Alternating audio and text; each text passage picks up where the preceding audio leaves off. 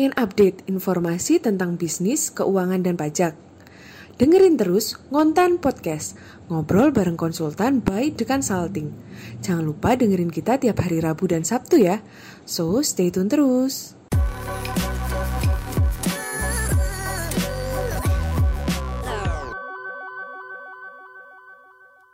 Oke, lanjut ke materi. Pertanyaannya tadi saya ulang lagi, mulai kerja tidak dari awal tahun, gimana PPh 21-nya? Nah, kalau PPh 21 itu pada dasarnya kita menghitungnya biasanya kalau pada umumnya itu dihitung selama 12 bulan. Jadi perusahaan bakalan ngitung gaji kalian selama setahun, jadi 12 bulan itu gimana. Tapi di sini kan ada case mungkin beberapa karyawan ataupun uh, teman-teman di sana, Pak aku masuknya di bulan Mei, Pak aku masuknya di Agustus. Jangan khawatir. Jadi cara hitungnya masih tetap uh, perhitungannya setahun, tapi setahun ini dihitung uh, mulai dari kalian masuk. Jadi ketika masuknya Mei berarti terhitung setahun itu mulai Mei, Mei, Juni, Juli, Agustus, September, Oktober, November, Desember. Jadi dikalikan 8 bulan. Jadi bukan tadi misal gaji satu bulan dikalikan 12 bulan, enggak. Kalau kalian masuknya di bulan Mei berarti dikalikannya 8 bulan aja. Nah, jadi eh, kenapa kok dikalikan 8 bulan? Karena nanti kalau dikalikan 12 bulan si kita ataupun eh, admin HRD ataupun orang yang ngerjain pajak PPh 21 nya pasti itu kelebihan bayar. Karena apa? Kalian dikalikannya 12. Padahal sebenarnya gaji kalian itu cuma 8 bulan. Nah, itu mungkin yang perlu diperhatiin sama bagian uh, pajak yang menghitung PPh 21. Nah, nanti uh, ketika di akhir tahun pasti dihitung lagi selama 8 bulan tadi si A itu kena PPh-nya sebenarnya berapa. Nah, itu nanti kalian juga tetap dapat bukti potong isinya di situ tetap satu tahun dalam artian tahun misal 2019 kemarin. Berarti 2019 dalam satu bukti potong itu yang kalian dapatkan. Jadi nggak usah bingung lagi ketika intinya contoh Kadi Mei misal cuma masuk di November berarti dua bulan berarti hanya dikalikan dua bulan bukan 12 bulan lagi Oke, tadi udah kita jelasin uh, terkait karyawan yang masuk di pertengahan tahun mulai dari teorinya.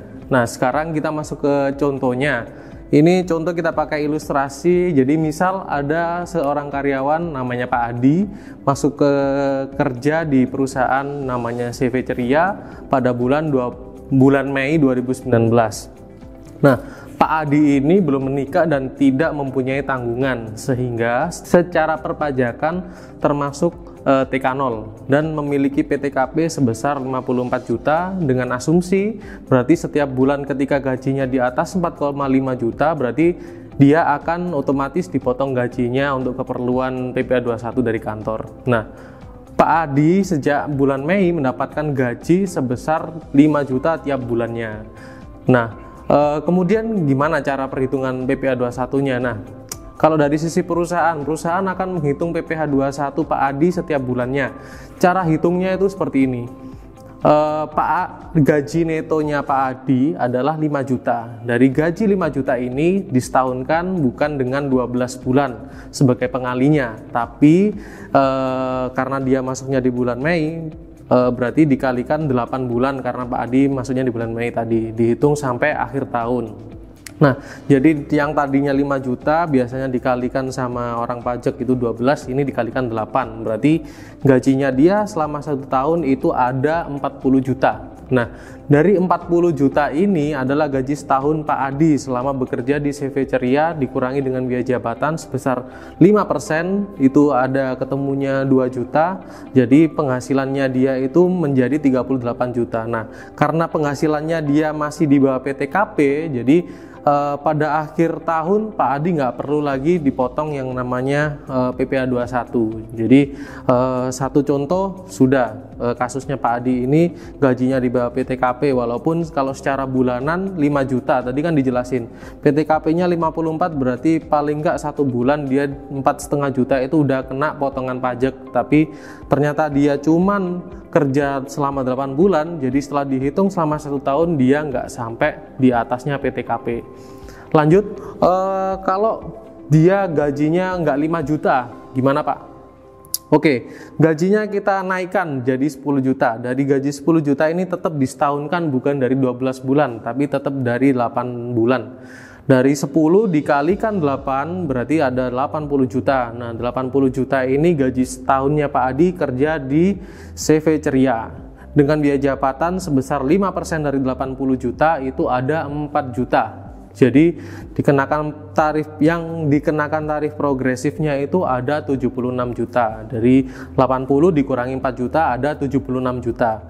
Dari 76 juta ini dikurangi PTKP sebesar 54 juta sehingga penghasilan kena pajaknya dia itu ada di 22 juta. Nah, dari 20, 22 juta ini karena kena tarif progresif berada di lapisan pertama di bawah 50 juta itu dikalikan 5% lagi. Jadi terhutangnya Pak Pak Adi selama kerja dengan gaji 10 juta mulai dari Mei sampai ke Desember itu setahun ada 1,1 juta dalam setahun. Nah, nanti ketika di akhir tahun eh, orang pajak perusahaan pasti ngitung ulang dan nanti dikalkulasi selama mulai Mei sampai di Desember nanti dibuatkan yang namanya bukti potong. Nah, bukti potong itu diserahkan Pak Adi sebagai bukti kalau dia kerja anggapannya mas tetap selama satu tahun di perusahaan itu walaupun dia kerja cuman dimulai dari bulan Mei. Oke. Jadi itu mungkin sekilas ilustrasinya kalaupun nanti ada beberapa pertanyaan lagi ataupun minta contoh-contoh lain dari seputar uh, ini Pak aku kalau dari bulan uh, Desember ataupun gimana tetap semua tetap dikalikan waktu dia masuk sampai ke Desember bukan dari 12 bulan dalam setahun. Kuncinya itu di situ. Oke. Oke, sekian dari saya. Terima kasih.